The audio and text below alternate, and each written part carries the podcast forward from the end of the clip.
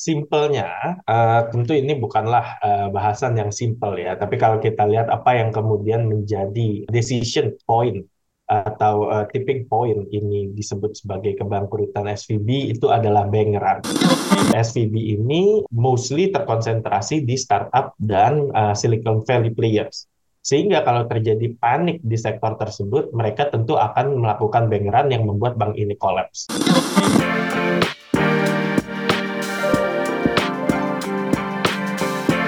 Hai sahabat TCID, kalian sedang mendengarkan podcast Suara Akademia.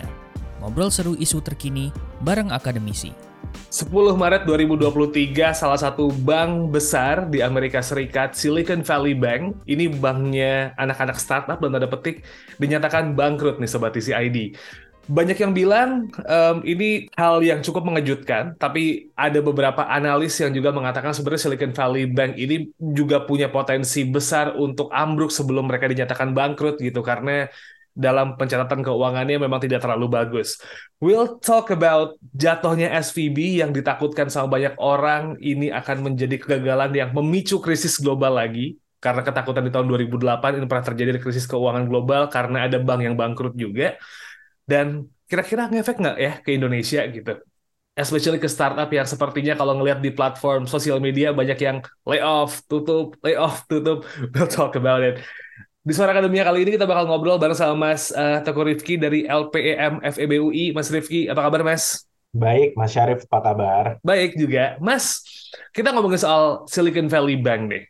Uh, apa sih yang bikin mereka collapse nih Mas? Apakah memang karena sistem yang nggak oke okay, akhirnya kolaps atau apa nih yang kejadian sama Silicon Valley Bank? Oke, okay, uh, eh, simpelnya uh, tentu ini bukanlah uh, bahasan yang simpel ya, tapi kalau kita lihat apa yang kemudian menjadi uh, decision point atau uh, tipping point ini disebut sebagai kebangkrutan SVB itu adalah bank run. Jadi apa itu bank run? Bank run itu adalah kondisi di mana saat bersama-sama deposan atau depositor itu kemudian mengambil atau menarik uangnya dari uh, suatu bank. Jadi ini uh, bisa disebabkan oleh berbagai faktor, uh, faktor kepanikan, faktor ketidakpercayaan, faktor kemudian ke kehabisan daya beli masyarakat, kemudian uh, berbondong-bondong bersama-sama mengambil uh, deposito mereka, tabungan mereka dari satu bank yang sama, sehingga kemudian bank tersebut tidak bisa mengembalikan semua depositonya.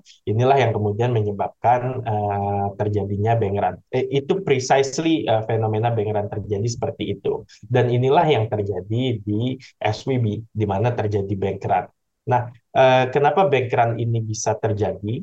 bank run ini kemudian dalam konteks SPB bisa terjadi adalah karena uh, depositornya satu uh, depositornya ini sangat terkonsentrasi yaitu adalah uh, aktor-aktor Silicon Valley atau startup-startup Silicon Valley yang ini sangat terkonsentrasi tapi uh, we'll talk about it later about this uh, concentration issue tapi isu lain yang kemudian menjadi menjadi uh, poin relevan di sini adalah bahwa SVB ini menggunakan uh, asetnya itu ditaruh dalam mortgage uh, mortgage uh, backed securities atau MBS uh, dan treasury securities. Nah, biasanya dalam uh, bisnis model perbankan atau bank mereka itu memiliki liabilities uh, yaitu uh, deposito atau tabungan dari masyarakat. Lalu kemudian asetnya ini adalah bagaimana mereka menyalurkan uh, uang tersebut. Biasanya dalam bentuk memberikan kredit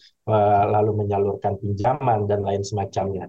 Dalam konteks SBB, mereka menggunakan uang ini diinvestasikan dalam MBS tadi, mortgage backed securities, dan juga treasury securities. Nah, kenapa ini kemudian menjadi isu? Ini menjadi isu adalah saat belakangan uh, The Fed dan berbagai bank sentral global mulai menaikkan tingkat suku bunganya, ini nilai aset dari MBS dan dan uh, treasury uh, securities ini mulai perlahan-lahan turun uh, uh, I want uh, bother you with the details, tapi intinya adalah saat kemudian suku bunga meningkat, maka nilai aset dari uh, MBS dan uh, uh, dan Treasury Securities ini drop. Nah, saat ini drop uh, dan kemudian uh, kemudian SVB ini harus ke, uh, uh, mengurangi liabilitiesnya karena kemudian dari dari sisi depositornya ini startup kemudian harus terus membakar uang, maka mereka harus memenuhi uh, deposito yang tercukupi di bank tersebut gitu. Nah, Caranya gimana? Mereka menjual menjual aset mereka tadi MBS dan uh, treasuries tadi, mereka jual at loss value gitu. Jadi mereka jual rugi gitu. Nah, uh, kabar ini kemudian terdengar di berbagai depositornya bahwa mereka memiliki aset yang secara value terus uh, drastis menurun gitu. Nah, inilah yang membuat uh, panik dari depositornya uh, berbondong-bondong bersamaan menarik depositonya dari uh, Silicon Valley Bank. Inilah yang membuat mereka kolaps karena mereka tidak bisa memenuhi uh, bank run tersebut. Tapi yang jadi pertanyaan adalah ini kan jadi yang out of the blue gitu, Mas Rifki. Dua hari tiba-tiba, pem, bangkrut gitu dan ini yang bikin banyak orang khawatir. Kita udah barusan aja ngelewatin pandemi, ya kan, berharap semuanya baik-baik saja meskipun ada perang, ya kan, Rusia Ukraina yang nggak kelar-kelar gitu. Berharapnya tuh krisis udah buruan selesai deh. Dan tiba-tiba Silicon Valley Bank ini tuh pecah gitu permasalahannya, uh, bangkrut gitu. Ada kemungkinan nggak sih kasus SVB ini tuh memicu terjadinya krisis keuangan global sama kayak di tahun 2008 pas Washington Mutual bangkrut juga nih Mas? Uh, agak sulit dibilang. Kalau Mas Syarif tanya saya sekarang, tentu saya akan bilang itu unlikely atau probability-nya kecil. Tapi mungkin saya cukup uh, belajar dari kondisi 2008 di mana saat semua orang bilang unlikely, tiba-tiba terjadi krisis gitu. We'll never know gitu. Di waktu lain misalnya di tahun 2018 banyak orang bilang unlikely krisis dan memang unlikely terjadi krisis gitu. Jadi uh, when we say unlikely, we are economists say uh, things are unlikely, we have to be very careful about it. So far, uh, our assessment suggest that uh, this is unlikely.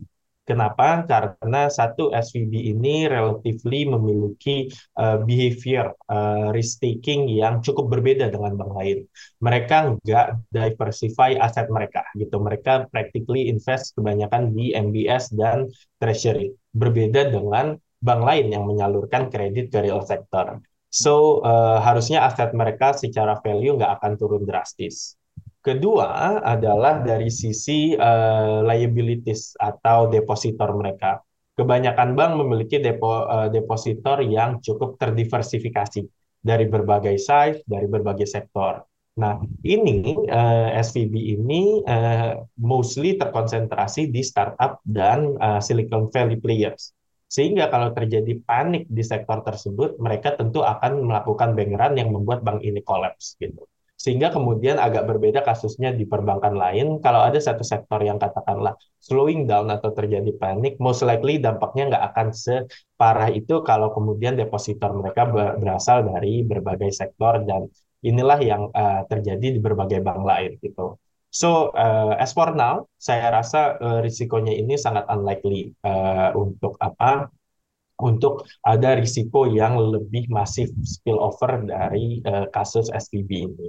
Tapi meskipun situasinya unlikely ya, nggak terlalu berdampak, selalu ada um, precautions nih, Mas. Ada hal-hal yang harus dijaga banget nih. Dari kasusnya SVB ini, salah satu yang mungkin orang mencoba untuk mengkait-kaitkan, ternyata tiba-tiba banyak banget juga bank raksasa yang ambruk gitu. Kalau misalnya ngecek berita-berita uh, di luaran sana, setelah SVB ada berita soal Signature Bank uh, di Amerika juga ambruk gitu, Credit Suisse juga bermasalah gitu kan dampak apa yang harus diperhatikan nih ketika SVB bangkrut ini? Yang harus dijagain gitu? Oke, okay, pertama mungkin dari aspek SVB dan Signature Bank ini mungkin cukup similar ya kasusnya di mana memang adanya excessive risk taking behavior yang kemudian mendorong uh, mendorong terjadinya kolaps di dua bank ini. Apalagi mereka sangat tight dengan startup dan mungkin uh, portofolio mereka tidak terlalu well diversified Berbeda mungkin kasusnya dengan Credit Suisse. Credit Suisse ini memang uh, bad behavior, uh, bad governance ini sudah terjadi dalam beberapa waktu belakangan. Jadi ini memang tipping point, uh, tipping pointnya adalah krisis SVB membuat ini uh, menjadi termaterialisasi. Tapi sebetulnya it's been a while uh, orang mencurigai Credit Suisse ini relatif bermasalah. Dan yang perlu diantisipasi adalah balik lagi ke governance dan uh, uh, risk taking behavior serta risk diversification dari perbankan dan institusi finansial gitu. Lagi-lagi kita perlu lihat adalah seberapa eksesif mereka dalam risk taking behavior seberapa banyak depositor mereka yang mereka insure. Awalnya terjadi kepanikan juga di Silicon Valley Bank adalah bahwa ada informasi tidak semua depositornya itu tercover uh, uh, insurance gitu, tercover oleh uh, insured depositnya di sana atau kayak kalau di sini seperti LPS-nya gitu tidak terjamin oleh PS-nya. Tapi kemudian Treasury, uh, Department of Treasury, uh, Kementerian Keuangan di sana menyatakan mereka akan mengcover uh, seluruh uh, depositor di uh, uh, Silicon Valley Bank yang ini juga cukup meredam uh, kepanikan yang terjadi sejauh ini uh, dari uh, kolapsnya Silicon Valley Bank tersebut.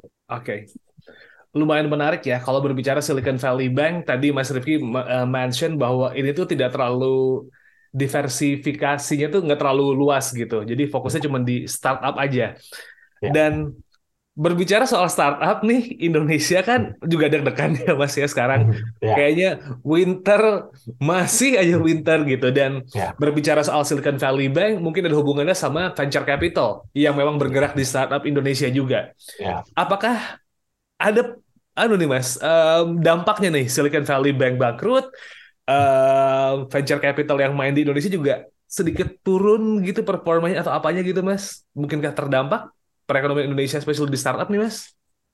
Uh, sebetulnya enggak. Dalam hal ini begini Uh, uh, terkait dengan uh, kepanikan tentu akan muncul ya dari uh, adanya Silicon Valley Bank. Tapi sebetulnya isu yang dimiliki oleh uh, oleh uh, startup di kebanyakan belahan dunia termasuk Indonesia adalah sama. Mereka itu harus at one point kemudian menjadi viable uh, secara uh, komersial. Dan ini masih belum terlalu ter, uh, banyak uh, startup yang commercially viable di Indonesia. Jadi mereka kemudian harus lanjut memikirkan bagaimana bisnis modelnya ini bisa viable, stop burning money, dan kemudian bisa memiliki bisnis model yang jauh lebih sustainable gitu.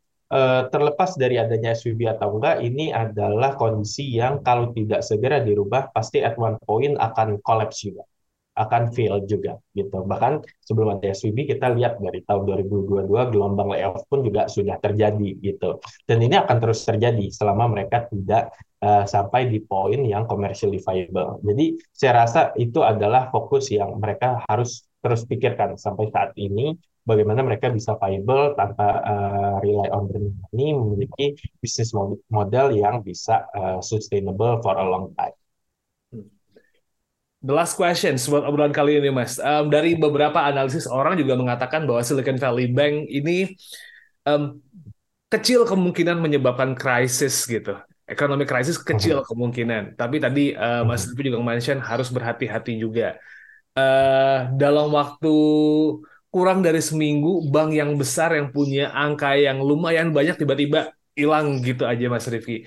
Mungkin ada yang pengen di-share Mas ke Sobat isi ID juga yang dengerin podcast ini soal kasus SVB ini karena kan banyak yang lumayan panik juga. Wah ini bank yang besar tiba-tiba bangkrut, kemungkinan krisis global, publik belum bisa tenang banget setelah pandemi belum terlalu beres, belum transisi ke endemi nih Mas. Ada yang mau di-share Mas silahkan. Uh, ada. Pertama, uh, hal yang mungkin ingin saya uh, share adalah be very careful about the information. Gitu. Kita tahu carefulness ini bisa uh, mengarah ke dua arah. Gitu. Uh, di 2008 kita being complacent, ternyata risikonya sangat parah. Gitu. Di kasus lain kita relatif sangat hati-hati dan tidak terjadi apa-apa gitu. Nah, tapi uh, kita harus paham at least the magnitude of the crisis. Gitu. Pertama, SVB ini apakah isu yang cukup struktural atau ini spesifik pada SVB saja gitu. lalu kemudian dampaknya sebesar apa ke uh, negara tersebut, ke uh, sektor finansial di US. Lalu kita juga perlu pikirkan, paling tidak cari informasi kira-kira exposure-nya terhadap Indonesia sejauh apa gitu. Karena uh, sering kali kita lihat isunya adalah ini kemudian menjadi pertanda krisis finansial global, ini kemudian resesi di Indonesia segala macam. Uh, I don't think that's the case. Gitu. I could be wrong. Uh, other people could be wrong as well, but we have to be at least uh, understand the, the the the the complexity of the situation and the uh, severity of the situation gitu. Jadi uh, karena kalau enggak ini akan sangat mudah mengarah ke panik tadi gitu. Panik yang kita lihat di Silicon Valley Bank, Indonesia yang mungkin tidak memiliki exposure apa-apa baik dari sisi finansial maupun perbankan bisa terkena paniknya tadi yang berdampak negatif terhadap ekonomi gitu. Uh, di sisi lain kalau kita pun being, being terlalu complacent pun juga uh, apa uh, uh, akan uh, mendatangkan uh, kondisi yang tidak baik di perbankan domestik. Tapi ada hal-hal yang saya rasa kita perlu uh, bisa contoh dari perbankan US ke perbankan Indonesia bahwa depositor ini perlu diinsure, bahwa kita perlu lihat masing-masing masing-masing uh, perbankan ini apakah uh, kita uh, kita kita lihat memiliki excessive risk taking atau enggak per spesifik banknya gitu sehingga kita bisa menghindari kasus SVB ini terjadi di dalam negeri mungkin kurang lebih seperti itu ya Mas Syarif. Oke. Okay. Hmm. Jadi jangan panik ya ketika membaca sebuah informasi gitu. Hmm. Apa yang terjadi di luar begitu juga ngimpact ke kita ya kan. Jadi hmm sedikit lebih tenang. Thank you so much Mas Teguh Rifki dari LPM FEB UI Mas. Jadi ada bayangan nih soal SVB bangkrut ini kenapa? Karena Buset dua hari bisa bangkrut gitu bang ya. Banyak orang nggak percaya soal itu. Ya, ya. Uh, Oke, okay, okay. kalau gitu kita pamit dari Suara Akademi episode kali ini. Mas Rifki, once again, thank you. My name is Muhammad Syarif. Saya podcast producer dari TCID. I'll see you on the next episode. Selamat berpuasa, Sobat TCID. Kalian telah mendengarkan podcast Suara Akademia, ngobrol seru isu terkini bareng akademisi.